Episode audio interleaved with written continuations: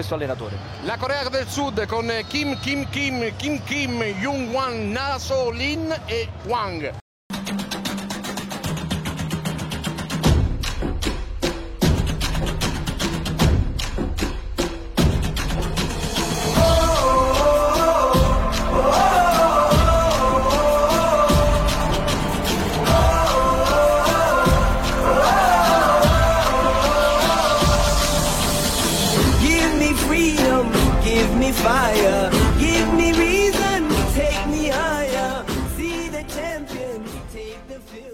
Varmt välkomna till ett nytt avsnitt av VM-bänken. Vi är i början av den sista månaden i 2022 och vi är mitt i utslagningsrundorna. Och de har kickat igång rejält. Men innan dess och innan du vet vi djupdyker i hela VM-bubblan måste jag ge en shoutout till en av våra kära lyssnare. Min kompis kan jag nog kalla honom för nu. Eh, grattis till Viktor Khan Amidi på hans födelsedag som fyller år idag, 5 december. Eh, big congrats vill jag först och främst hälsa till dig. Jag hoppas du får en underbar dag. Ehm, du vet jag kollade också, jag kan ju också välkomna Mustafa TV till VM-bänken också, hur mår du? Ja, tack så mycket. Eh, Även fast jag inte känner personen eh, Ja. på samma sätt så eh, kan du hälsa honom grattis från mig också. Mm. Ja, alltså det, är en, det är en trogen lyssnare, han, han är väldigt aktiv lyssnare också, skriver till oss, eh, kommenterar mycket så det, det är en väldigt kär broder, Viktor Khan Amidi, 5 februari, eh, 5 december fyller han år. Så jag kollade lite lätt, jag bara, jag bara är, är, är det en skön dag att fylla år som fotbollsspelare? Eh, ja, det är det väl inte. Men han delar födelsedag med typ Tony Martial, eh, Moaini som eh, är den här nya franska spelaren som ersatte Nkunku. Eh, Fick ju hela 90 minuter mot Tunisien om jag inte minns helt fel. Ross Barkley, din gamla gubbe, fyller år idag. Eh, Sörloth. Så det, det, det är en del spelare han, han, eh, han delar födelsedag med. Och främst André Pierre Gignac. Ja, det var en klassanfallare. Den här tunga anfallaren som länge bar nummer 10 i franska landslaget precis innan Inte så illa faktiskt. Mbappé. Sen du vet jag kollade du vet, men 5 december är inte jämfört med 5 februari. Det är då alla de här stjärnorna fyller år, bland annat, vad är det? Det är väl Cristiano Ronaldo, Neymar, Mm. jag vet att Adnan Januzaj fyller också idag, år. Eh, Carlos Tevez. Men vill du ha samma födelsedag som alla här? Men alltså om du fyller år 5 februari, you better know, du ska bli en baller. Eh, Mm. Nabbe, eh, Nabil Bahoui spelar också, eh, fyller också år 5 februari, så det är, det är en bra dag att fylla Så du menar, eh, om jag får en son mm. som föds 5 februari, Mm. då ska jag sätta in honom i ungdomsakademin direkt vid femårsåldern. Han Alltså- ska alltså- bli en fotbollsstjärna. Alltså här, planera produktionen fem, eh, nio månader innan 5 februari. Var, var som Ja, mest det- aktiv då. Ja, du tänker sådär, alltså då, då blir det ju... Ja, april, alltså ja. Maj där, där, maj månad måste man gå all in. Exakt. Ja, då får vi hoppas att eh, köp, det, dina, köp dina majblommor. Eh, Bra, bra att ramadanmånaden har passerat förbi maj nu. Då kan man fokusera och gå all in. men however, du måste ju ha en, en produktion för att producera saker också. Men Ja, exakt. vem vet, du kanske har den. Det, Oavsett. Ja, det, det, det är bara att gå till lagret. Men 5 december är inte heller en fel dag att fylla, på, eh, fylla år på. Jag tycker vi kör på direkt och eh, VM-bänkar oss. Let's go.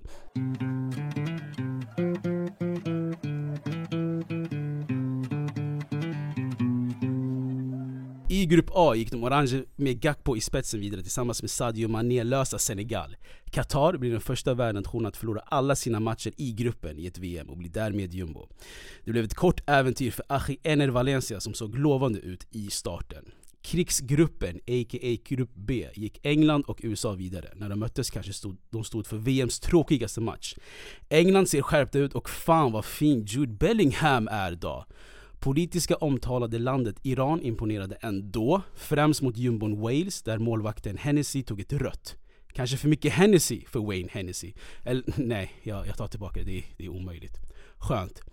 Ja, ja, ja, jag vet. Jag gav bara Saudi ynka 45 sekunder inför uppladdning för Grupp C. Fick äta upp min kepsa när de vann mot Argentina i premiären.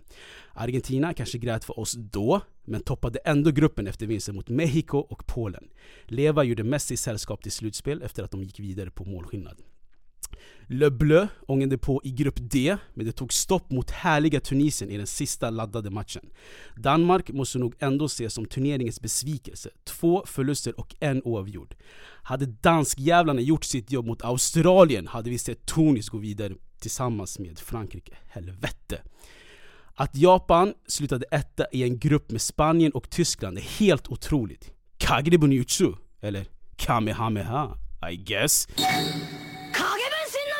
Spaniens 7-0 mot Costa Rica i öppningsmatchen var ändå viktig. De gick vidare med målskillnad som tvåa. Och ja, Tyskland.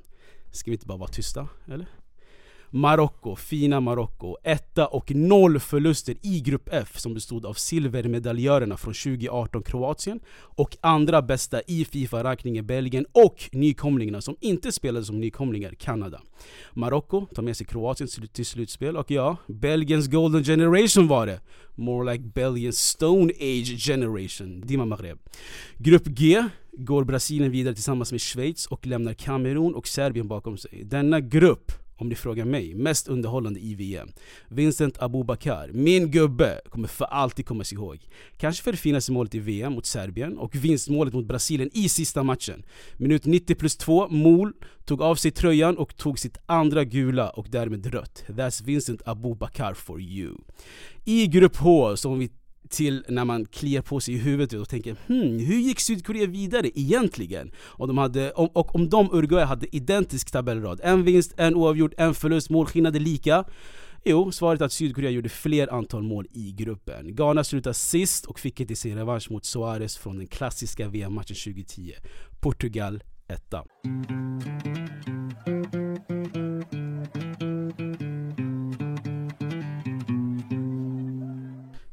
Uh, ja, en uh, sammanfattning som ändå tycker jag underlättar lite lätt för oss.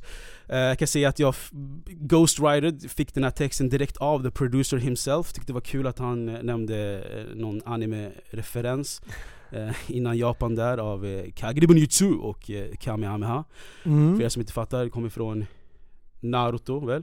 Bland annat, men och, Dragon Ball. används i det japanska språket där Eh, för det mesta i manga mm. och anime. Exakt, Men... Så här då. Eh, nej alltså, jag kanske avbröt dig, du ville fortsätta? nej jag tycker bara det, det var ju ändå en bra koppling där till en av eh, stor eh, skrällarna i VM. Mm, mm, eh, mm. Jag tycker det var ett fint VM hittills. Eh, även fast många har varit till, eh, alltså väldigt negativa med det här i Qatar och att det spelas i, under vintern så känner jag ändå eh, mm, bra känslor kring det här VM-mästerskapet. Men det är det, alltså grejen är, vi, vi, spelade ju in avsnittet innan det här, inför gruppen och inför VM och hela den grejen. Um, och vi båda var laddade, vi båda var hypade. Sitter hypen fortfarande nu när vi är inne i åttondelsfinalerna? Eh, är du, har, de mött, har VM mött förväntningarna? Har de överraskat dig? Hur, hur känns liksom spontana känslorna?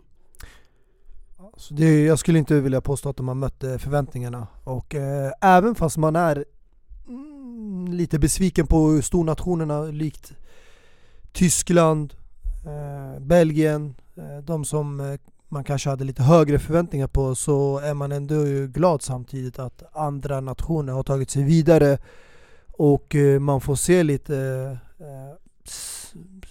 ja, överraskningar i det här VMet. Mm. Jag tror med tiden under eh, gruppspelsmatcherna så har folk eh, väl fallit mer för det här VMet. Mm. Eh, nu i början var det liksom mycket oroväckande känslor, man var lite skeptisk till hela den här idén och man förväntade sig kanske ett, ett tråkigt VM.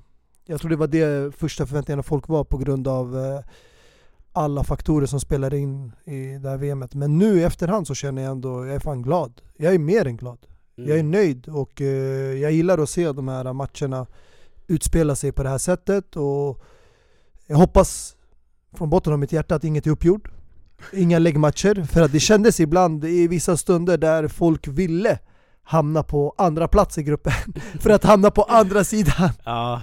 Och då resulterade det i att annat landslag blev utslaget på grund av att den andra vill komma två och då anstränger de sig inte. Alltså grejen, huruvida taktiskt det var från lag att, att lägga sig eller inte, det vete fan alltså, man kan ju spekulera hur mycket man vill. Mm. Men det, jag- det jag är mest glad över det här VMet, jag måste säga, du vet varje gång man har satt på tvn och studion, man tror man kollar på Aktuellt eller nyheterna, du vet, de ska alltid rapportera om det som händer i landet och de försöker förminska fotbolls-VM Det är ett väldigt taktiskt drag av media, för som jag, som jag är trött på är, vi, vi har sagt från början att vi inte ska vara jättepolitiska och jätte, eh, eh, snacka om det här Dels för att vi vill koncentrera oss på fotbollen, jag tror lyssnarna har fått nog av allt omkring fotbollen och vi vill liksom väcka the actual, alltså bollen i sig som, som, som är jättebortglömd i det här VMet. Men det jag vill säga är, jag är trött på hyckleriet, jag är trött på att man ska bara snacka om eh, eh runt omkring Qatar och det är ett unisont beslut att du vet, eh, eh, eh liksom snacka skit om det, hela den grejen, jada, jada, jada.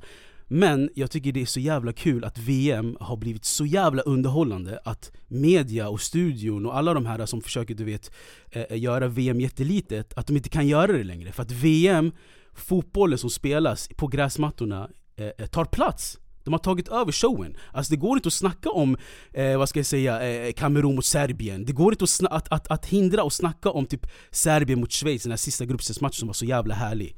Mm. Sporten gör sin grej. Och den, den, den liksom, eh, vad säger man? Den eh, omsluter och formar och, och, och tar tillbaka människorna till varandra och hela den grejen. Vilket är jättefint att se.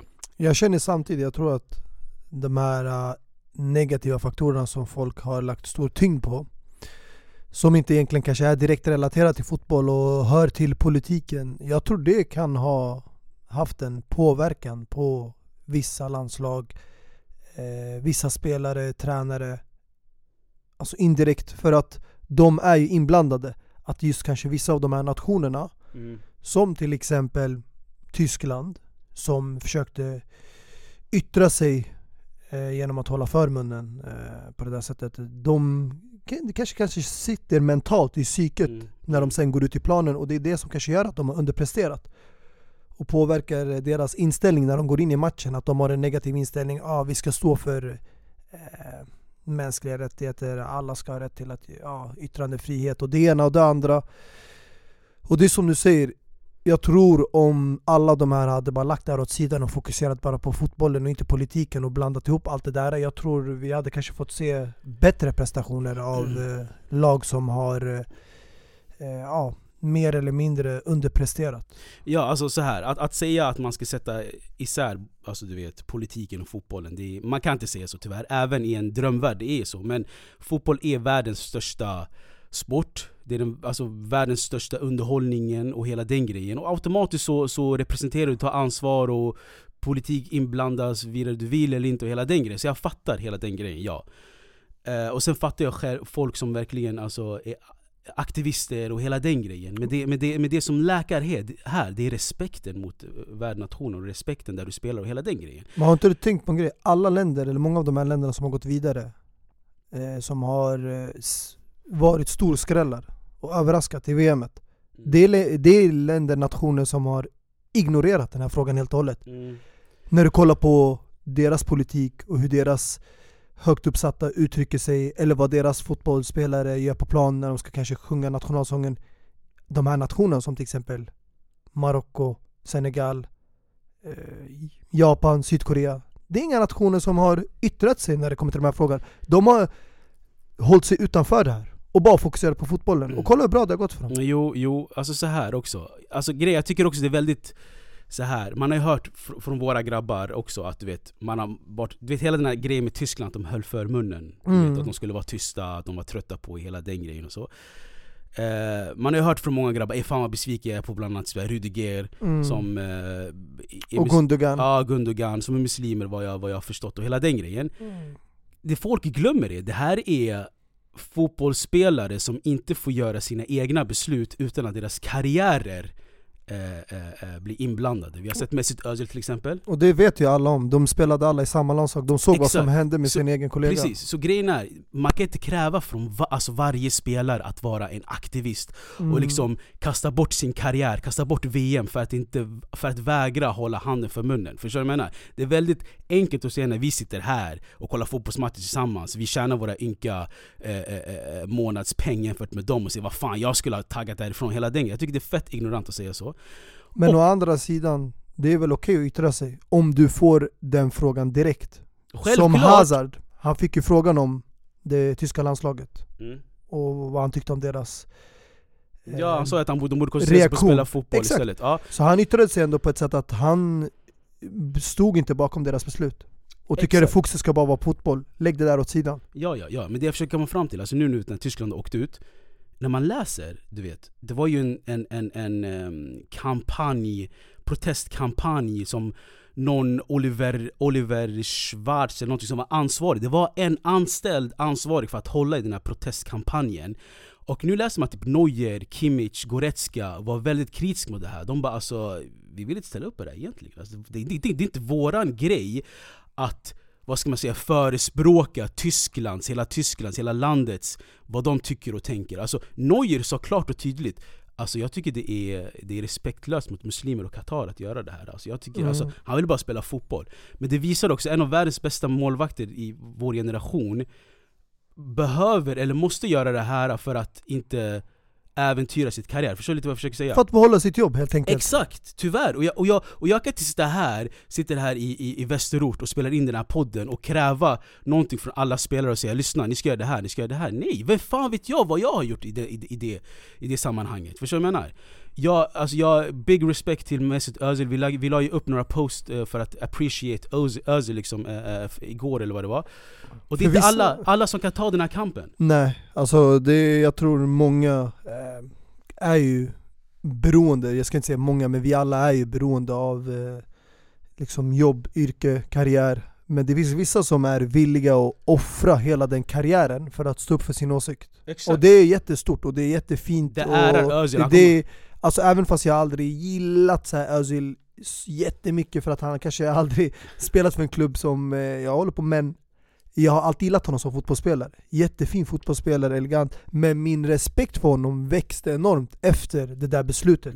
Hur han stod upp Mm, för eh, mm. det som hände i Turkiet och alltihopa. Exakt, och Özil kommer gå in i, världs, alltså i, i, i, i vad säger man, historieböckerna eh, vad han har gjort. Ingen kommer glömma bort Özil och hur han blev behandlad av fotbollsvärlden och hela den grejen. Eh, sen är han en skön person också om du följer honom på sociala medier, Twitter. Han, nu när Giroud eh, slog målrekordet, så du såg ju hur han gjorde målet. Det var den här Özil-studsen lite Mm. lätt. Så han skrev ju 'Who taught you that Oliver?' och så la han bild på han och, eh, och Giroud tillsammans. Så Özil är en skön människa även utanför hela den här politiska härvan. Mm. Men det jag säger är bara att jag är bara trött och jag är glad att fotbollen ändå gör sitt jobb, underhåller oss eh, och vi får helt enkelt fokusera på det vi älskar mest. Det är det. Och jag tror det, vet du vad, helt ärligt. Alltså man ska inte blanda i politik, fotboll, men, nej, men det, alltså indirekt, jag måste ändå säga det här, det känns som ett liksom, tecken där uppifrån att VM har överraskat så mycket att man ska bara glömma bort allt det här negativa, man begraver allt det här negativa och nu, det enda som man tänker på det är de här äh, nationerna som äh, spelar och har roligt och man får se fin fotboll från länder man aldrig har förväntat sig spela fotboll på det här sättet. Det är det som gör också fotbollen Ja. ännu mer underhållande. Ja, alltså Ja, alltså jag håller med dig helt och hållet och, jag, och grejen är också, det har varit, om vi ska komma nu till eh, skrällmatchen och vad som har verkligen fastnat i, i, i våra näthinnor så Självklart, jag måste ju ändå be en sån offentlig ursäkt till saudierna där ute när vi bara, du vet, när vi gick igenom dem bara "Ah, Ska vi ge dem mer än 45 sekunder? Alla spelar inhemskt, vem vilka fan är de? De kommer ta någon chans Boom bam pim! 11-0-0 mot Argentina 2-1, boom! Wagwan Så det är, det, det är mycket sånt och jag, jag älskar att se det. Men alltså vad, vad har, om vi ska vända oss till fotbollen nu. Eh, vi har all anledning att komma tillbaka till icke-fotbollsrelaterat också, för att säga vårt ibland då och då. Inte kanske djupdyka så mycket, men vad, vad, vad är det som har stuckit ut för dig? Är det någon spelare, är det någon match, är det någon... Vad, vad är det som du tycker är... Alltså jag skulle säga att eh, mm, sticker ut mest, det är, finns ju specifika nationer spelare men jag tycker i helhet de här mindre nationerna från just Asien, Afrika och även i Nordamerika har Mm. eh, presterat på ett bra sätt även fast inte alla lag tog sig vidare. Likt kanske Kanada. Eh, de spelade väldigt bra, visade alltså prov på att de kan stå och eh, liksom möta de här stornationerna och ge dem en ordentlig match. Eh, De är inte så dåliga som man tror heller. Eh, Det finns ett par fina spelare som vi gick igenom tidigare och de kommer ju hosta också VM Mm. nästa gång. Så det blir ju Tillsammans en, med... som en, eh, det här var ju som en kanske uppvärmningsfas för dem, att nu får de vara med i VM och nästa gång kommer de garanterat vara med i VM. USA där också, det är ju ett lag som även fast nu de gick ju vidare, till skillnad från Kanada, spelade också bra. Men eh, de som imponerat mest på mig det är ju nationerna från Asien och Afrika. Alltså Definitivt. Ja, alltså jag tycker alla ändå har varit bra. Alla de här 36 lagen har ändå varit Alltså de har haft någonting. Vare sig det är Iran eller om det är Australien som gick vidare tillsammans med Frankrike, man fick se Duke och de här grabbarna. Alltså alla har ändå visat någonting. Det har varit sevärda matcher, sevärda nationer. Alltså från grupp A till H, vilket är skitspännande. Och det, har varit, det som har varit nice också, det har varit spännande matcher ända in i slutet. Det här med Sydkorea och Uruguay när, de, när Sydkorea mötte Portugal och, och vann mot Portugal och Uruguay mötte Ghana och det var den Mm. hetsen från 2010 och klassiska, hela den grejen. Eh, Alltså jag blev ju, alltså, i, det, i det fallet, jag blev ju glad att Sydkorea vann. För att jag hoppades på att Ghana skulle gå vidare, men när Ghana låg under mot Uruguay mm. tänkte jag vad fan Låt bara koreanerna gå vidare då! Om inte Ghana ska gå vidare då kan ju fan Uruguay också åka ut med för att eh, Uruguay, jag, jag gillade inte bara att de skulle gå vidare efter senaste VM På tal, på tal om det, på tal om det, jag måste ändå fråga dig. Jag, jag har ställt den här öppna frågan till, till eh, lyssnarna. Ghana, Uruguay, Luis Suarez, Asamoah Gyan. Vart ställer du dig kring det? Alltså Luis Suarez, det här, hela den grejen, han räddade bollen med hands och de fick straff och hela den grejen. Hade du kunnat blamea Suarez, så som ghaneserna gör, att de glömmer bort att de missade straff, de glömmer bort Gyan och bara fokuserar på Suarez. Var, Alltså, var, vart ställer du kring det? Vilket, alltså, vilket ringhörna står du i? Alltså hur, hur fult än den händelsen är så kan man inte lägga hela skulden på honom. I slutändan fick han sitt, han, han fick sitt straff. Spelaren blev utvisad, laget fick straff. Så rätt ska vara rätt och det var rättvist men eh, de måste ju ta på sig ansvaret att de missade straffen. Och det som gjorde mig eh, riktigt förbannad eh, just i det här fallet, det är att istället för att låta framtiden träda fram vid straffpunkten så Mm. låter de Andrew Ayew, en gamling, komma istället för Mohamed Kudus. Han har varit stjärnan, låt han bara fortsätta skina, det är hans tid nu. Ge han straffen! Alltså det, det, det var bara där jag visste, jag hade en känsla, han kommer fan missa straffen.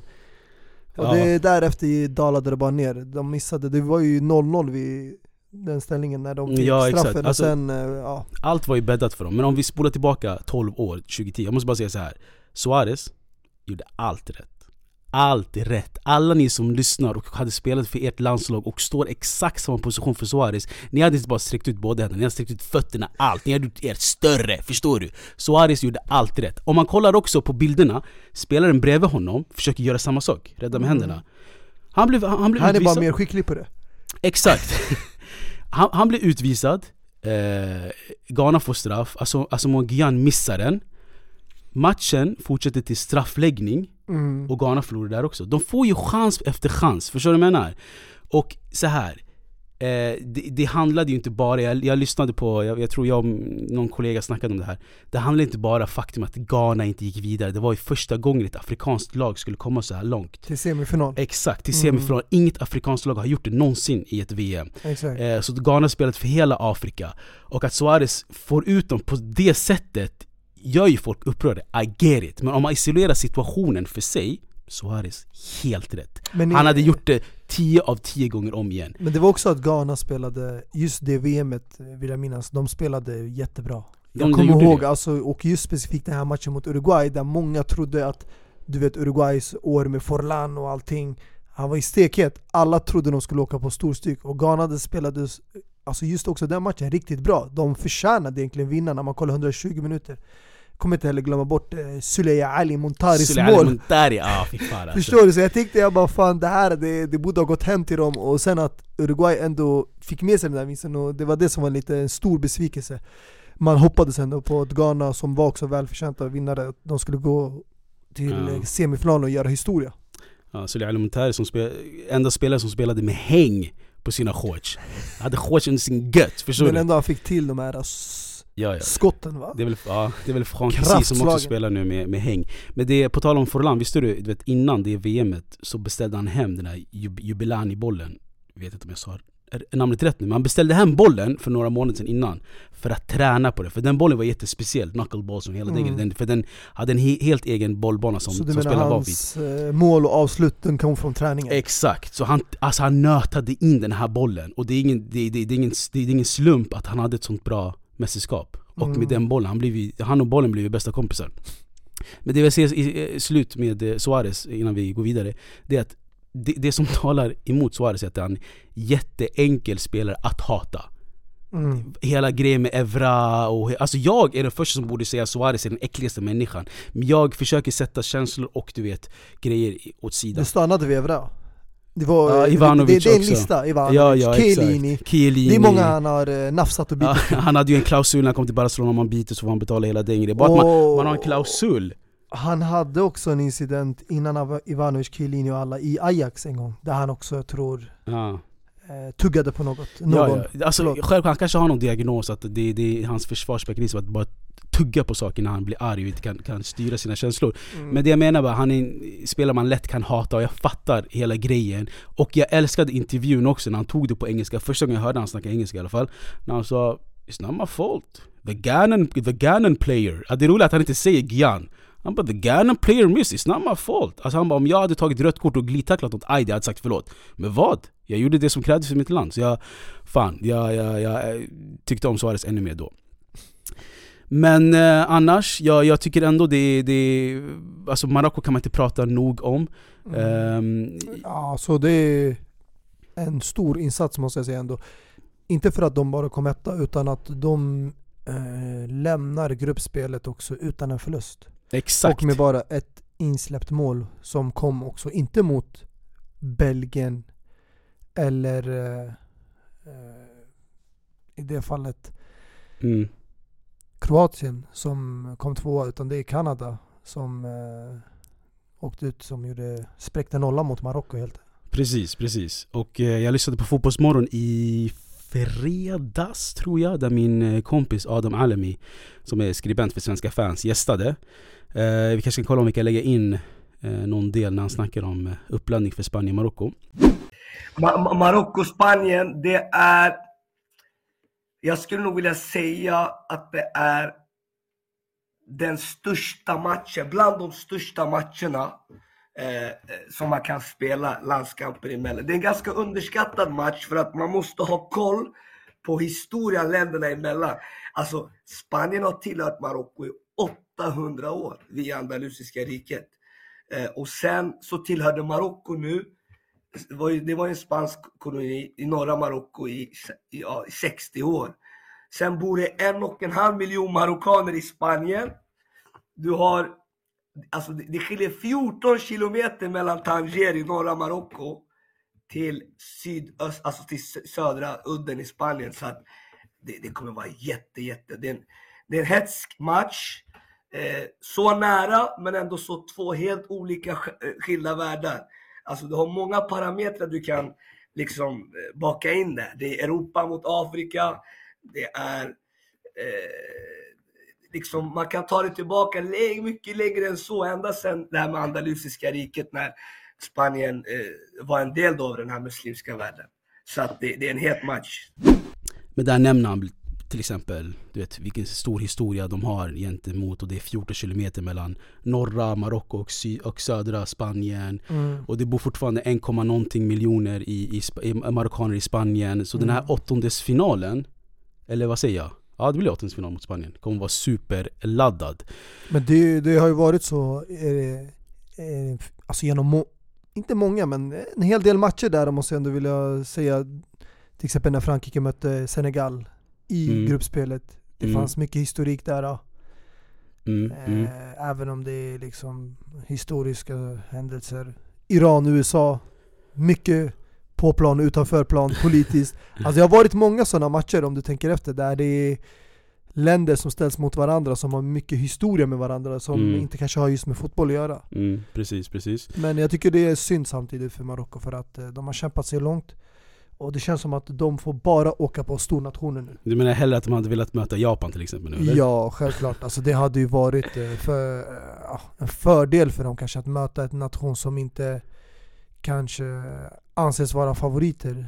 Eh, sen vet jag inte om nu det passar dem att vara i det här läget att ses som underdogs. Mm. För det har hjälpt dem genom gruppspel.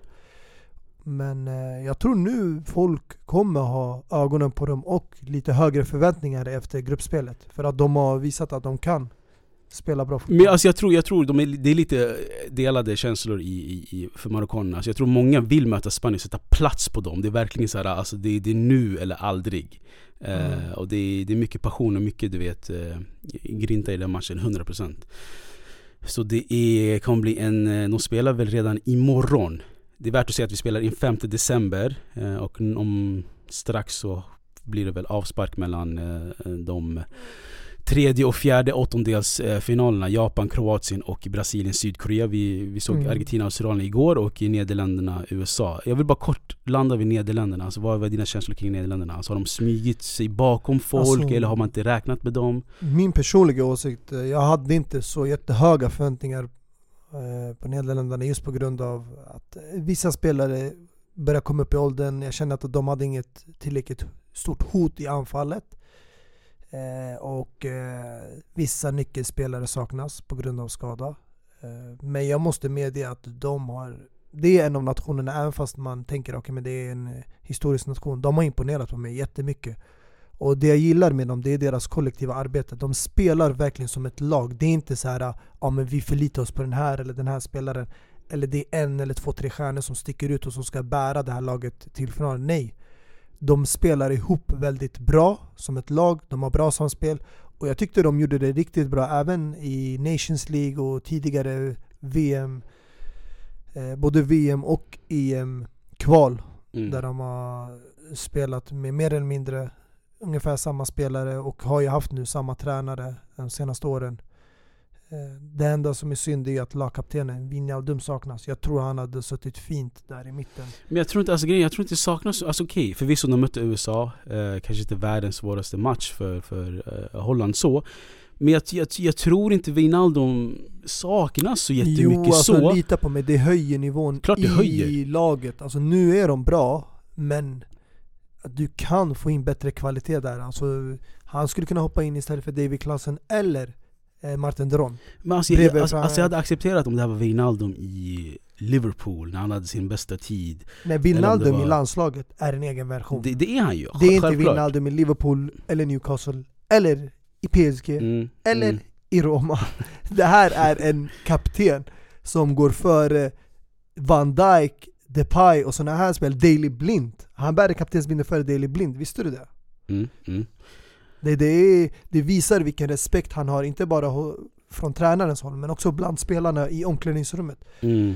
Och jag gillar hans energi, hans driv. Han är väldigt så här, entusiastisk och han är alltid liksom håller huvudet högt upp. Ja, ja, alltså, Tappar är- inte så här eh, självförtroendet eller eh, hoppet om att de ska kunna vända eller så bara för att de ligger under eller det går dåligt.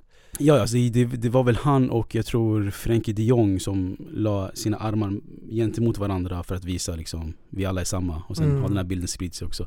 Jo, Wijnaldum, jag älskar honom. As a person, väldigt så glad och sprider glädje och en bra fotbollsspelare i sig. Jag ska vara ärlig, jag som ändå gillar Holland och alltid har ett extra öga för dem. Jag saknar inte honom så. Jag gillar att Cody Gakpo och Memphis Depay delar på serien. Speciellt den förstnämnda Gakpo som har verkligen Tillsammans med han, det, det är han och Mbappé som väl har varit de bästa spelarna, offensiva bästa spelarna i VM måste jag säga. Mm. Även Dumfries gjorde ju världens match mot USA.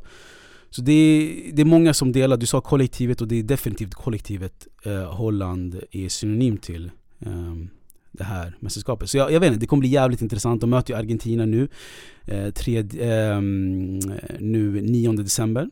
Modigt också av eh, Luis van Gaal att efter de första andra matchen där, nu sitter ju både De Ligt och Van, eh, Stefan de Vrij på bänken. Mm, mm, mm. Jag hade aldrig förväntat mig att eh, Nathan Ake, ja, att han går in i elvan kanske möjligtvis. Framför en av dem. Men han har haft en fin höst. Jo, jo, och sen Okej. att eh, kanske De Vrij spelar på samma position som eh, Van Dijk. Mm. Den här mittenpositionen. Men att Mm. Justin går före De Ligt i Bayern München, det, det kom lite som en överraskning. Men han har ju imponerat så jag antar att det är en välförtjänt eh, rad matcher han har Alltså fått förbundskaptener är speciella, de väljer ut de spelarna som verkligen passar in i deras ehm, eh, spelstil och hela den grejen. Depay att han skulle komma med var också lite ifrågasatt för han har inte spelat fotboll på flera månader i Barcelona men kommer in och eh, är ute efter att eh, toppa den här all time Netherlands, du vet, målskytt.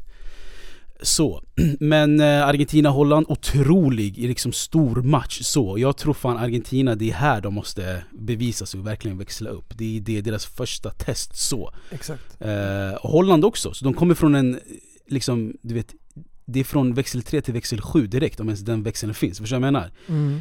Det är, jag vet inte, jag tror båda kommer chocka varandra. Och båda kommer vara försiktiga och båda kommer, det kommer bli en så otrolig 90 minuter. Alltså offensivt, det är Argentina som har starkare där uppe men defensivt vill jag på, alltså jag vill påstå att Holland kommer eh, ha det mer bekvämt för att eh, de har ett starkare försvar.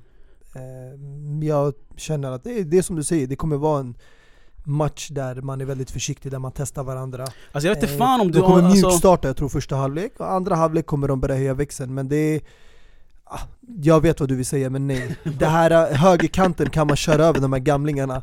Att de har inte blivit testade. Sätt en, en spelare av högre kaliber mot Akuna och Otamendi och då, då kommer det bli, det bli Alltså jag cirkus säger där det, uppe. alltså jag säger, det här laget skrämmer mig inte bror. Förstår du Argentina? Du ser det deras offensiva, ja jag fattar, Messi är Messi. Förstår du? Obviously, Mm. det, det, det, det, det måste jag säga sig själv. Men Bram, Molina och Acuna förvisso har varit bra det här mästerskapet men det är inget som skrämmer mig. McAllister från Brighton har varit bra också. Men det är, inget, alltså, det är inga spelare som är vana vid att vinna så. Förstår du? Om du spelar i Brighton bror, ska du vinna VM till mig? Var ärlig nu.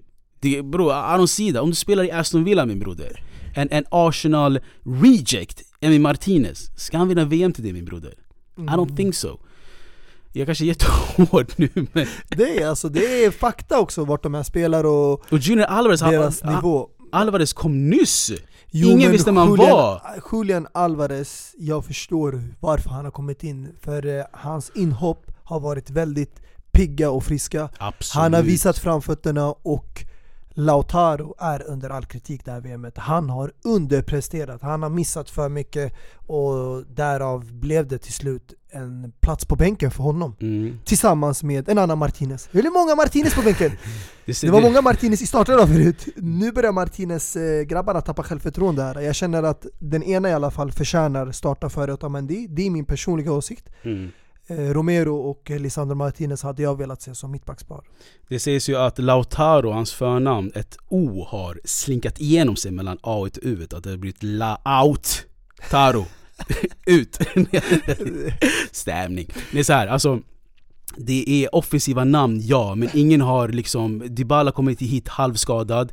Di Maria är skadad nu. Det är därför han inte fick spela mot eh, Australien. Lautaro Martinez som du säger, under all kritik. Alla är, alla är iskalla bror. Mm. Så jag tror det, det kommer till ett, alltså, orange varmt, eldigt Holland You get me? Ja, jag, är redan, jag vill inte säga någonting på förhand, Det- det men är- de som känner mig, de vet redan. Jag, Jag tycker du är feg, jag ganska- tycker du är feg när du inte vill uttrycka dig så att du, du, alltså, Säg vem du tycker du ska Jag vinna tror Holland kommer vinna. Alla, alla som vet och känner, jag har sagt det klart tydligt. Argentina har inte blivit testade. De är ett bra landslag, men den här tränaren, jag eh, känner att han är för högmodig. Att han, okej att han bänkar Leonardo Paredes, okej jag förstår det. Men det är såhär, Leonardo Paredes, det är, eh, det är Dybala, det är Angel Correa och nu är det också Lautaro Martinez. Eh, Alltså Lisandro Martinez, alltså det är för många bra spelare som sitter i bänken. Jag förstår att du kanske väljer att sätta Lautaro på bänken för att han är underpresterat, men då kan du åtminstone sätta in en erfaren Angel Correa från Atletico Madrid istället för Julian kom, Alvarez men, som men kom du sa. sent in i truppen Jo också. men Julian Alvarez har precis anlänt till City. Jag vet att rent kvalitetsmässigt, jag kan få ut mer från Angel Correa på kanten. Han är en kantspelare. Sen har du Dybala, de ser att han har varit skadad men han har ju fan skippat nu hela gruppspelsmatchen. Är inte han tillbaka nu och är redo för att spela någon match här nu i åttondel, kvarten? Jo, han kom väl in nu sista matchen mot Australien. Exakt, men han måste ju våga starta med de här. Nu Leonardo Paredes är petad Du har Lisandro Martinez in och ut från elvan Eller det gjorde han inte, han värmde upp i alla fall men han kom inte in. Jag vet inte fan alltså. Ja, jag jag, såg i alla jag, jag är bara upp. väldigt skeptisk, jag, jag tror den här tränaren själv börjar bli osäker på vilken hans bästa elva är Mm. Och nu när du möter ett landslag som Holland, du har inte råd att rotera. Men jag kan säga till dig, Van Gaal, utifrån hans senaste val, jag vet att De Ligt och De Vrij kommer fortfarande sitta på bänken.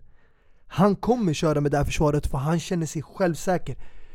Det är ändå, med all respekt jag säger det, för att till exempel Daley Blind är ingen naturlig wingback. Men han gör det så bra på den positionen. Oh, söker sig mot mitten, gör det Ja, här jag målet vet. Han, är ju, han har ju också spelat den här mittfältspositionen, så ibland kanske han går in som en mitt och då blir Nathan Ake, som är vänsterfotad, som en vänsterback och Dumfries där. Så de hittar ändå balansen, det är det jag Obviously. gillar. De har Ja, en väldigt ja, bra balans. Mm, mm.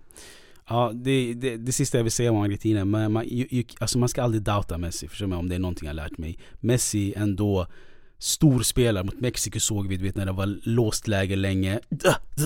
Och sen Australien också gjorde han det fantastiska målet. Mm. Messi, can't, alltså jag, jag ska aldrig ifrågasätta honom. Så om det är någon, alltså Messi är en stor spelare och st- det träder fram stormatcher. Så är, om det är någon gång du vet han ska sikta mot den här finalen så då är det ju nu. Så det, är- Det är alltså, nu eller aldrig. Ja, alltså jag, tror inte, jag tror inte han kommer göra det enkelt för Holland. Det kommer verkligen inte... Som jag sa tidigare, jag vet inte om ni minns, men jag sa till långt innan, jag tror Portugal har mycket större chans att ta sig till finalen än Argentina. Mm, Det var många som inte höll med mig i den frågan. mm. Inte på grund av Messi-Cristiano-frågan, men just på grund av att många anser att Argentina är ett bättre landslag och spelar bättre upp. Jag tycker inte det. Ja, alltså det, ja, jag tror det är, Jag tror man kan argumentera för, bå- för båda hållen. Men om vi ska vidare på lite de kommande matcherna. Japan-Kroatien. Alltså, Japan har väl... eh, Väldigt fin match. Hypen. Alltså Japan. Ohio gozaimasu. Alltså de här, de är ju livsfarliga. Såg du målet? Andra målet. eh, mot eh, Spanien. Spanien. Mm, mm, När mm, bollen var typ ute. mm, mm. Men den var, alltså det där kämparglöden, att den där Mm. spelaren bara sprang och han gav inte upp och ändå la in den in mot mitten när han kom runt spelaren och målvakten och det blev mål. Alla trodde att ah, men den där bollen var ute, vi såg ju. Så kollade de VAR.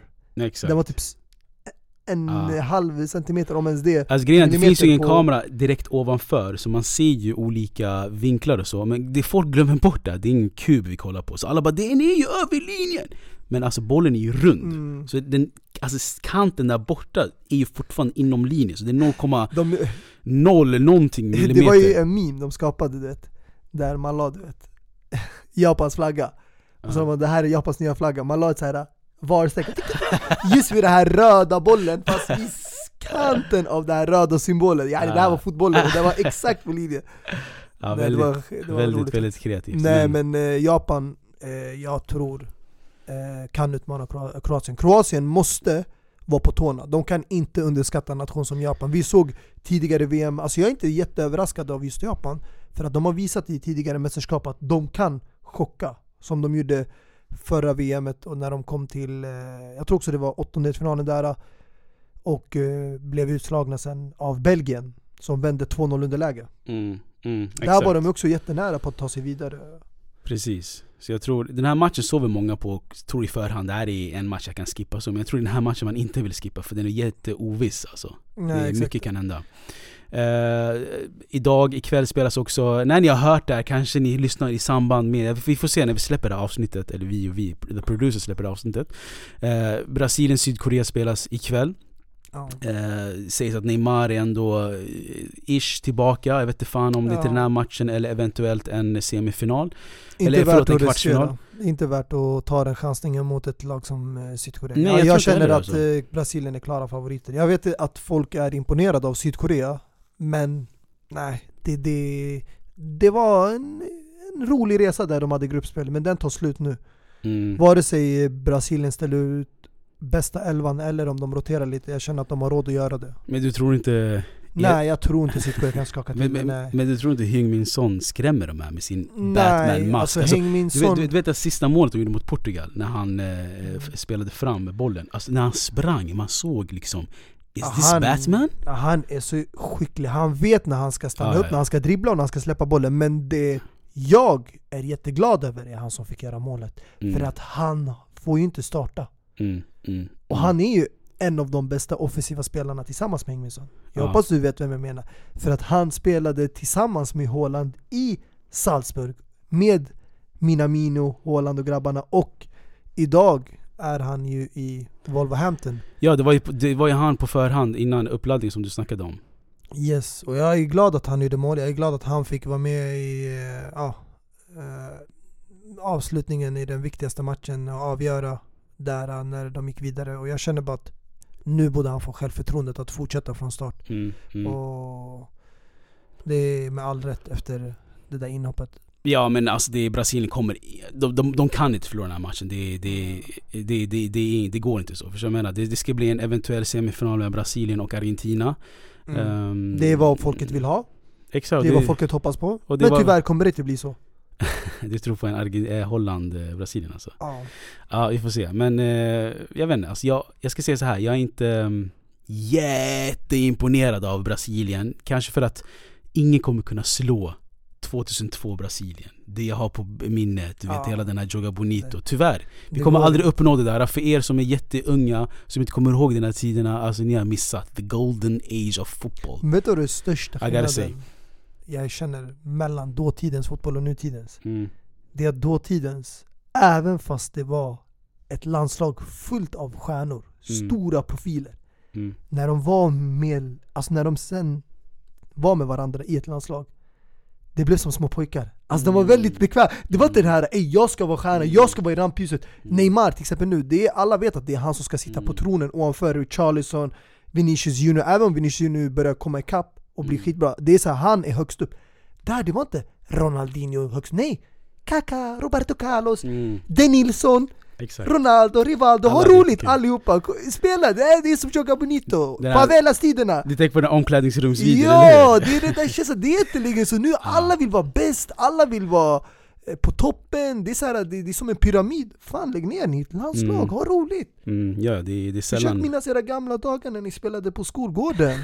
det är så gamla Brasiliens landslag, det var därför det var så jävla underhållande att se de här Ziroberto och alla de här. Ja, ja. Även fast Zidane kom och sen körde över hela landslaget fyra år senare, 2006. Ja, den matchen är helt otrolig. För er som inte har sett den, skriv bara Zidane vs Brazil. Ni kommer njuta Ja, det kan ju komma två stycken. Ni som är lite eh, yngre, ni kommer kanske se 98 VM dyka upp. Ja, För där var Zidane mot, eh, med Frankrike mot Brasilien också. ja, men jag syftar på 26, of course.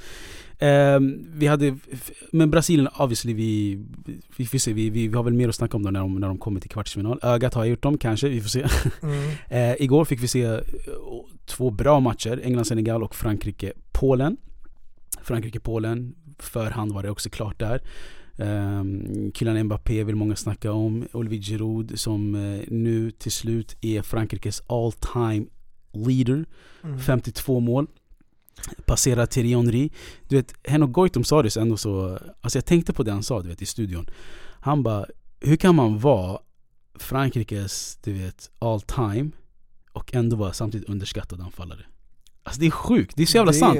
Det är All- inte sjukt. Men, men, men, men, håller du inte med lite att hela världen st- liksom erkänner inte Olivier Giroud som en det, anfallare? jag, jag förstår varför, men jag håller med, han är ju väldigt underskattad. Men det är för att han har aldrig varit en stor stjärna i klubblagsnivå. Även det, den, jag tror den enda platsen där han kanske ansågs som lagets bästa spelare, en av de bästa spelarna. Det var faktiskt i början av karriären i Frankrike, Montpellier, när han vann ligan. Och han hade Jonas Belhanda Mm. bland annat bakom sig.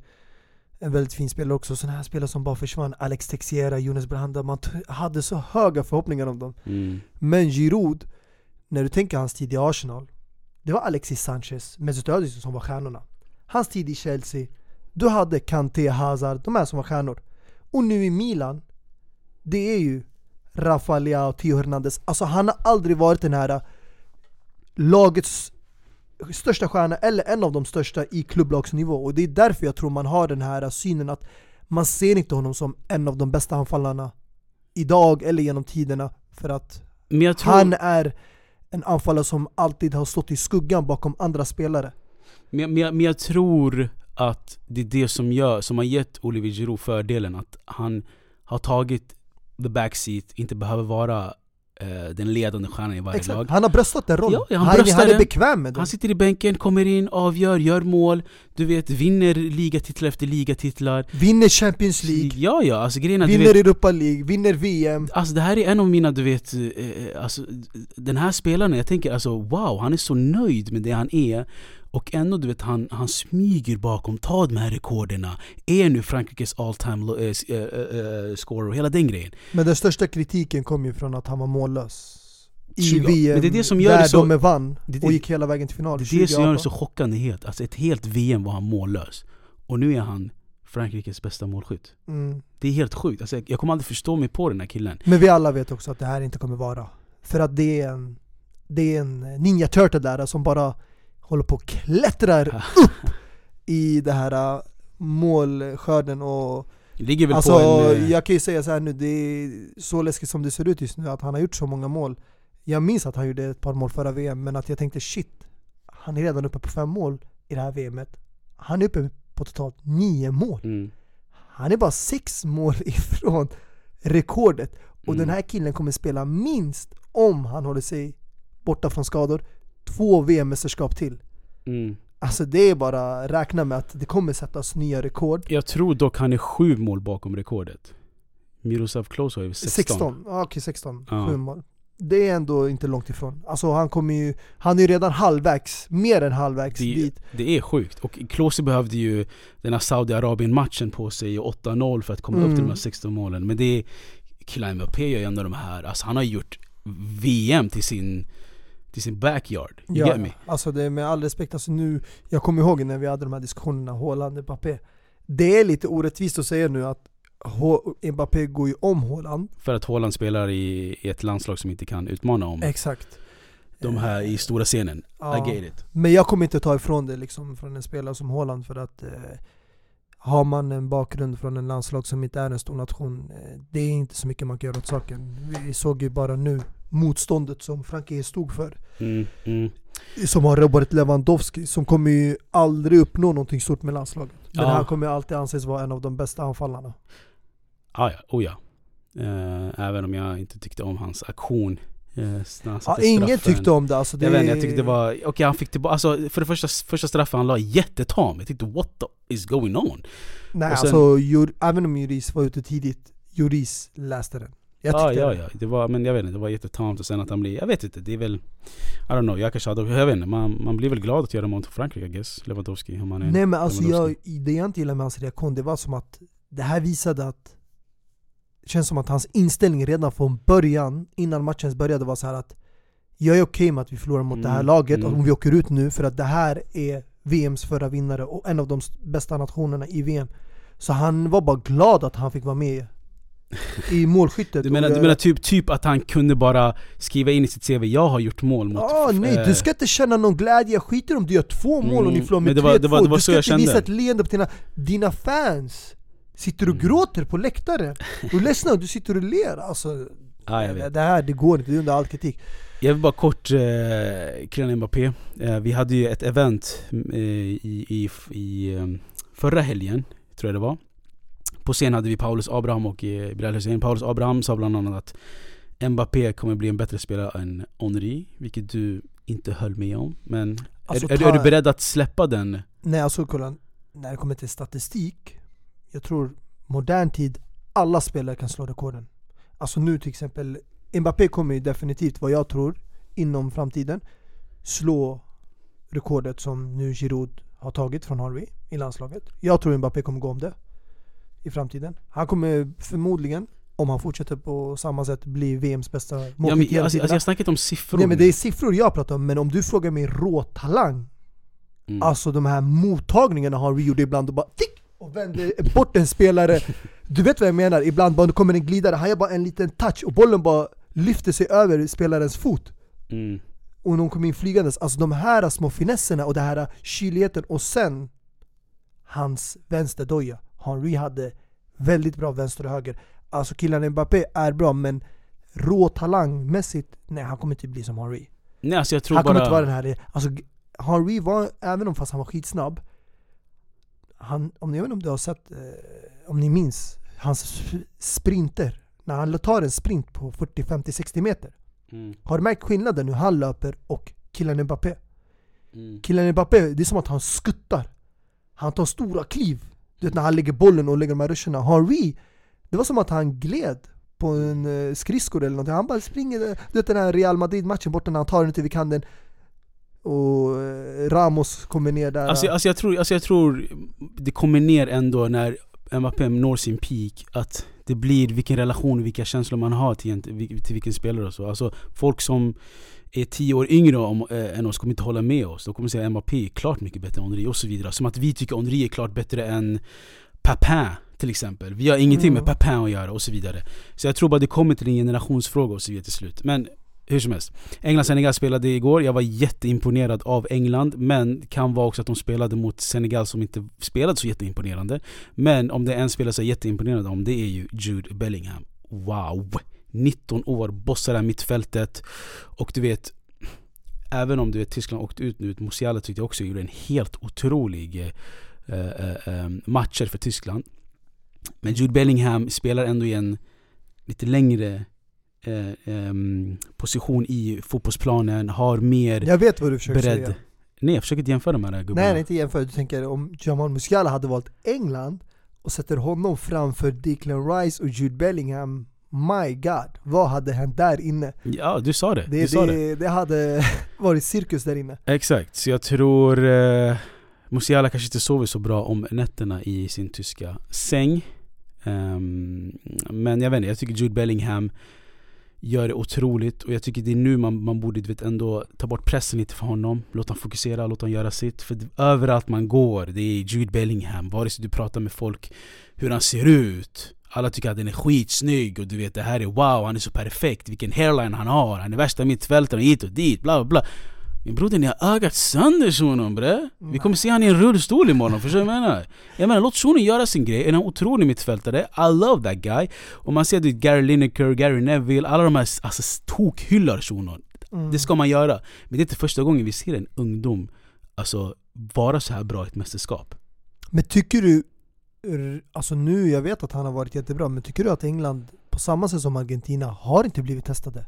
När jag kollar gruppspelet, de mötte USA, Wales, Iran. Mm. Ingen nation som är stor, Nej, som med. är en favorit till att gå långt i VM eller vinna. Mm. Mm. Och nu det sista motståndet i åttondelsfinalen var i Senegal Som saknade sin bästa spelare, Mané. Mm. Jag trodde Mm. inte att Senegalen skulle ta sig så här långt Eh, Jag tycker de har gjort ett bra VM, mer än godkänt med tanke på att de saknar den viktigaste nyckelspelaren Så jag vill inte heller ens hylla spelaren så mycket för att jag förväntar mig att England ska gå förbi alla dessa lag Vinna varenda match mellan USA, Wales, Iran och Senegal Ja, ja, Så ja, alltså- det här för mig är nu jag ser fram emot att se Jude Bellingham och Declan Rice mot Rabiot och Chouameni Mm. Det här kommer bli en intressant strid Mm. i Mm. mittfältet. Det är där han kommer testas för första gången. Och inte bara i hans roll som offensiv mittfält, men även när han jobbar hem. Tro mig, alltså inget illa menat mot dig, men Maguire och Luke Shaw kommer behöva hjälp från mittfältet när de stöter på Giroud, Griezmann, Mbappé. Mm, ja, ja. Det är, ja, ja. Det, är, alltså, det är nu de här stormatcherna kommer att spelas. Frankrike, England, Argentina, Nederländerna och så vidare. Så det kommer bli det här. Jag håller med dig. England har inte imponerat. Även om de gjorde värsta matchen i öppningsmatchen mot... ehm, hjälp mig, vilka mötte de öppningsmatchen i gruppen? Matchen var Iran. Eh, Iran, exakt. Det blev en stor vinst 6-2. där. Och sen gick de ner sig mot eh, USA, tråkig match, 0-0. Mm. Så England är inte kända för att hålla en jämn nivå. De, det är väldigt berg och dalbana på det. Det toppar och det pikar och det, det dippar och det, Och det, de har en tendens att alltid falla. När Obviously. de möter så stora nationer i Europa också, typ Italien, Frankrike, Spanien, de faller mot de Ja, ja, jag tycker ändå man ska hylla, eh, inte bara Bellingham, alltså jag tycker Saka har varit otroligt bra. Eh, Kane har gjort sitt jobb. Declan Rice har ändå, du vet, styrt det här mittfältet. Declan Rice som sa också, jag tyckte det var lite pirrigt att han sa det, han bara Alltså alla snackar om Holland och Argentina, de är bra men så fort vi är bra, ingen snackar om oss. alltså det var såhär, my guy, skit i bre, varför vill du ha hyllningar? Jobba din grej och vinn VM bre. Så det var lite pirrig från Declan Rice håll. jag, jag säger inte att han lät sådär men jag kan tänka mig att han lät sådär. Ja, jag älskar ändå den där spelaren. Fy fan vilken mittfältsgeneral alltså. Fy fan, det är För obvious reasons gillar du honom nej, nej, också. nej, jo men låt oss vara ärliga, det är för att han Men är Chelsea-kopplad. Nej men walla, Men han är Chelsea-kopplad. Jude Bellingham är också en jättefin spelare, men jag tycker bara de här spelarna, Jude Bellingham, vi får se honom i Champions League, Mm, i okej. Dortmund, ändå en ganska stor klubb.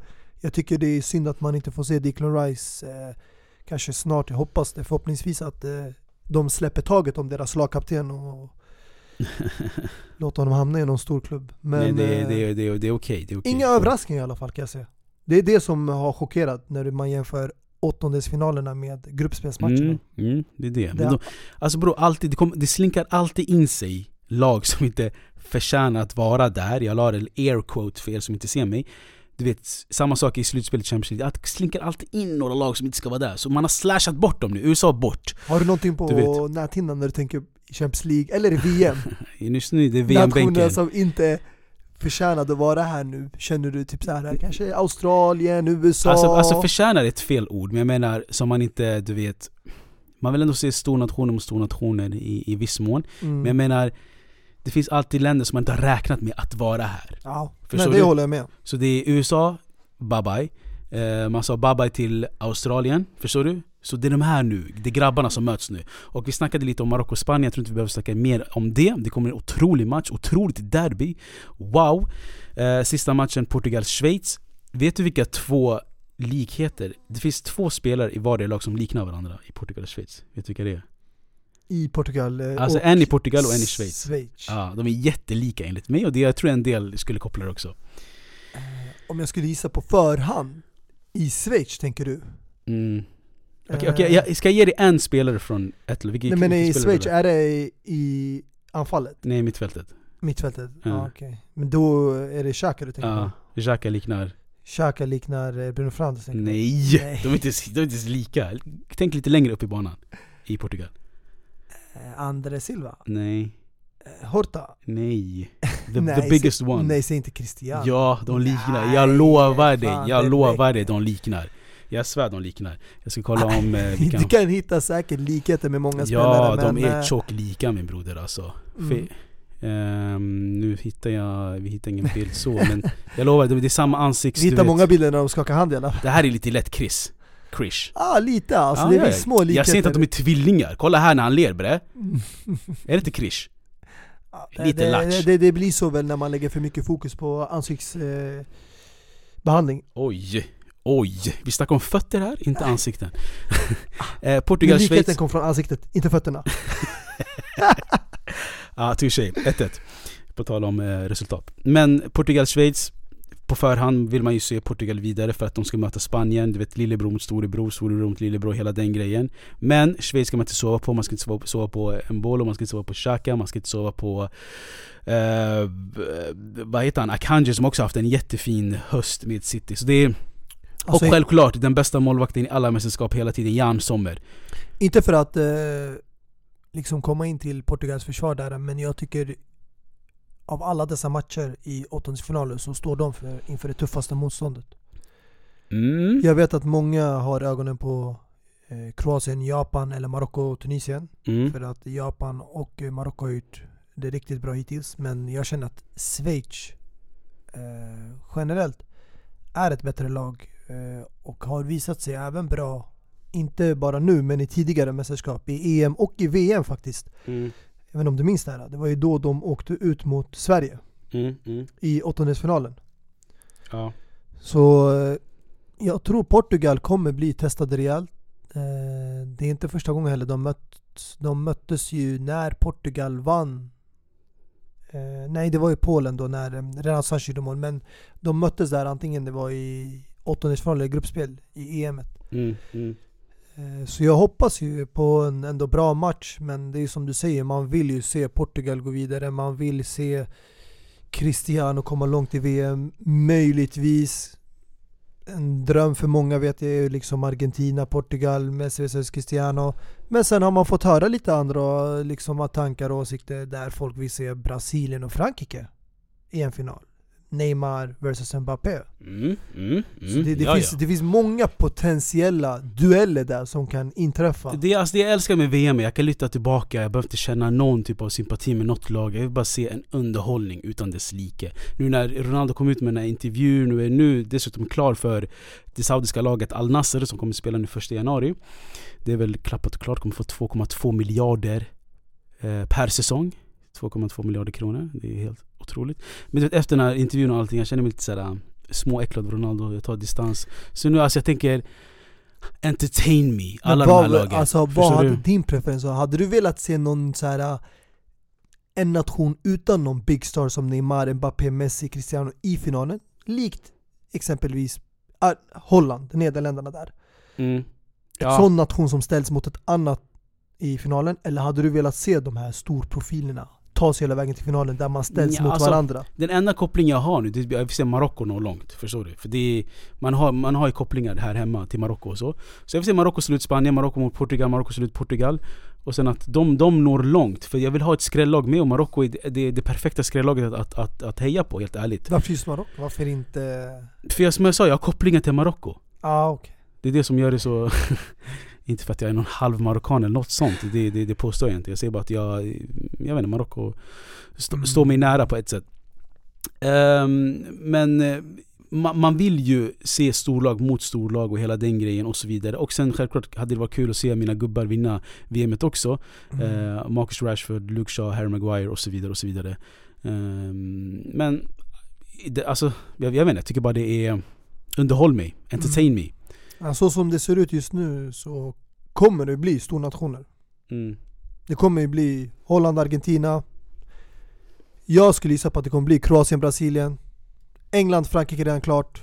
Och den sista, Spanien, Portugal. Det är Mm. bara Mm. Ja. stormatchen, kvartsfinal. Det är om man vill eh, tro att favoriterna kommer ta sig vidare. Mm. Men vi kan ju hoppa på det här skrälltåget kanske. Ja exakt. Ja, det finns plats i skrälltåget, det är åtta vagnar. Se upp för dörrarna, dörrarna stängs. Nej jag driver. Så här, eh, jag tycker vi avslutar med att eh, jag eh, rabblar upp eh, VMs bästa, eh, gruppspelets bästa elva. Jag tror det är en rak 4-4-2 de har eh, eh, ställt upp med. Sen får Mhm. du säga om du, om du saknar någon eller inte. Eh, Szczesny i målet, Hakimi högerback, Marquinhos och Koulibaly som mittbackar. Vänsterback Theo Hernandez. Och mittfältarna har vi Kovacic, Jude Bellingham och Frenkie de Jong. Och som en offensiv mittfältare Bruno Fernandes. Och anfallarna Cody Gakpo och Kylian Mbappé. Mm. Eh, på förhand måste jag säga, alltså Griezmann, uff, vilken otrolig, otroliga matcher han gör. Jag älskar att han har fått den här nummer 10-rollen. Nya positioner. Ja, Inte ens en tia, det är alltså han är typ en sexa åtta. typ. Åtta, ah, sexa han typ. faller ner väldigt långt ner på banan. Och- och- men jag gillar det, det passar honom. Du vet det här andra målet som Mbappé gör? Det är ju han som vinner bollen mm. och skickar den upp mot Giroud som gör en otrolig nedtagning. Så jag- saknar Griezmann i den där elvan måste jag säga. Mm. Um, alltså den, den mest givna spelaren här måste vara Szczesny. Ja, Chesney har haft det Eh, jättefint Med sina två straffräddningar och har verkligen ett snitt på 5,8 räddningar per match och så vidare. Men, Jag tycker även Emiliano Martinez har gjort ett bra VM. jo även men fast inte inte lika han bra får som den berömmen så... Jag hade velat ha Musiala i den här elvan också, to be honest. Ja, det, Men det är jag svårt tror det är att svårt att ta peta. med en spelare där eh, nationen inte gick vidare men eh, ja, självklart alltså Jamal Musiala skulle kunna skulle kunna få en plats där i den där elvan. Eh, Men som du säger, Jude Bellingham, det är svårt att plocka bort honom. Mm. Jag hade till och med kunnat satt Denzel Dumfries som högerback. Ja, Alltså det, Ja. är, det finns många bra alternativ. Eh, försvaret också, jag tycker det är många som har gjort det bra. Eh, Marquinhos med all rätt att han är där. Koulibaly, men jag tycker även eh, Frankrikes försvar. Och Pamecano har varit bra. mm. Jag är lite överraskad att eh, vet du, Konate inte får starta överhuvudtaget. Mm. Varane har ju gått in direkt i elvan efter sin skada. Och sen högerbacken two chains Kondé, Ja. fy fan vad härligt att se Bra, alltså han fick spela 40 minuter med sina två halsbanden Mm. Och som studsade omkring och sen fick han ta av sig dem. Och det var precis som, jag tror Seva sa i studion att han fick inget gult kort eller ingenting. Nej exakt. De tog Alltså, av han ena halsbandet och så var det två stycken. Jag tror han eh, glömde bort det bara, jag tror inte det var med flit. Alltså kan, nej, Men han, fan nej, han, alltså, kan nej. ens vara skönt Kom in jag. i elvan, nej kom igen. Nej nej alltså jag menar bara, du snackade om eh, Frankrikes Mm. försvar, jag ville bara nämna Alltså jag tror det enda, halsbandet på Kondé. det enda jag inte skulle ändra på något överhuvudtaget. Alltså man kan placera in andra mittfältare, försvarare. Det finns många som har gjort det bra, men anfallet tänker jag är jag glasklart. Alltså Kylian Mbappé och Cody Gakpo, jag tycker välförtjänta eh, spelare som har tagit den här bästa Ja, elvan, anfallet. Alltså det är, ja, det är tyvärr de, de eh, givna den här jobbigt elvan. för er och jobbigt för alla andra klubbar som är ute efter Cody Gakpo, för där gick aktien upp. Eh, Hörde du vad, eh, förlåt men den här otroligt jobbiga människan Virgil van Dijk sa eh, om Gakpo-ryktena? Han bara Kom igen, United, Real Madrid. Ena är storlag, det andra är inte. Det är klart han Real Madrid kommer först för Gakpo. mm. Så vem fan är Men du? det, det är ju en eh, indirekt förolämpning Självklart, för han att är Liverpool och hela Liverpool-fan, den. Liverpool-spelare, kan inte han är förvänta dig att han ska säga något gott om fan United. direkt. Inte fan om någon kan vara ett fan av Liverpool. Nej jag driver. Men ehm, annars, jag vet inte fan. Det är väl... Så jag, jag, jag kan säga så här, jag har fått höra att många känner att eh, det, man kunde också ha satt in Hakim Ziyech där istället för Bruno Fernandes. Mm, Mm. jag vet inte. Jag sitter, ja. Men det är som du säger, alla de här uh, spelarna har gått vidare i, från grupperna. Så det är Musiala, det, det är nog därför han inte kan komma in i det här. Men Hakim Ziyech, ja, jag hade nog inte satt honom för en Bruno Fernandes. Som, Ja, ändå, som ändå är två mål bakom uh, Mbappé i skytteligan tror jag. ja, Det är ja, många egentligen. ja, Alla, han är många, många står ju tre. Han är alltid med i målskyttet den här Bruno Fernandes. Eh, Han är en Fick, box väl, boxspelare fick så. väl det målet också som Ronaldo claimade tror jag i slut också. Ja, och sen eh, fick ju också ta straffen efter att Ronaldo hade lämnat planen. Exakt. Uh, med det sagt, jag tycker vi har fått en bra eh, sammanfattning av eh, hur grupperna slutade och ehm, liksom hur uh, åttondelsfinalerna kommer forma sig och eventuella vilka som kommer möta varandra i en kvartssemi och så vidare. Och så Så vidare. vem blir det i final? Eller inte kanske vem du vill eller vem du tror. Alltså vem du vill vet jag redan. Det sa du ju tidigare. Du uttryckte dina känslor klart och tydligt där. Vem du hoppas på ska skrälla sig hela vägen till en final. Men eh, om du skulle vara real, mer realistisk och kanske gå på de senaste prestationerna, hur man har gjort i gruppspel och hur laget ja, har visat sig vara nu den senaste månaden. Är det Jag tror det kommer bli Alltså jag, jag, jag skulle kunna säga att en av dem känns som att just nu det kan bli Frankrike. För de spelar jättebra ihop. mm, Jag, jag hade inte förväntat mig, med tanke på skadelistan, hur den såg ut innan eh, det här mästerskapet. Eh, de säger att Benzema kanske har en chans att Ja exakt. komma tillbaka. Hans skada var inte så allvarlig. Exakt, men eh, att man missar två stora mittfältare som Kanté och Pogba, det är, Mm. Det är sjukt att de har ersatt eh, Men Chouamini och, eh, och Rabiot har gjort det skitbra så. Ja, det är det som är imponerande. Men jag skulle säga Frankrike och Alltså jag vet inte varför folk är så obsessed med de här latinamerikanska, sydamerikanska landslagen. De har inte varit så bra. Alltså jag vet inte varför, men jag vill lägga en skräll och jag vill säga Frankrike, Holland. Alltså, ja, det är jätterimligt. Alternativt, det är Portugal istället ja. för Frankrike. Jag tror Spanien, Brasilien. Det är så? Mm, på en final. Oj oj oj, två tidigare Mm, VM-vinnare 2010, 2022 mm, mm. Jag tror faktiskt det. För jag tror det här VMet har gett oss så många, du vet, överraskningar och allting. Jag tror bara, vet du vad? Inte för att det är en två överraskningslag, men jag tror ingen räknar med att Spanien ska komma till final. Men vem hade du velat vinna? Bara enkelt Innerst inne Innerst inne, du, du ser vad jag har på mig just nu. Jag... Ja det är det Ja, du vill, landslaget ska Ja, Eng- ja, exakt. England. Ja, jag vet du vad, vem jag skulle vilja vinna? Alltså jag, jag håller inte kanske på det här landslaget vanligtvis, eller de här spelarna, jag kanske inte har en direkt koppling, men jag vill Portugal Bara för att man ska stänga ner hela den här konversationen en gång för alla och alla för en Messi Ronaldo För att för mig, jag sa det här öppet till folk Mm, Om Messi vinner VM, mm. är den diskussionen avslutad? Ja. Om Ronaldo vinner VM, Mm. är den diskussionen avslutad? Ja. Tack. För att många tvekar just på när man säger Ronaldo och det är det jag vill framföra att Vinner någon av dessa spelarna VM?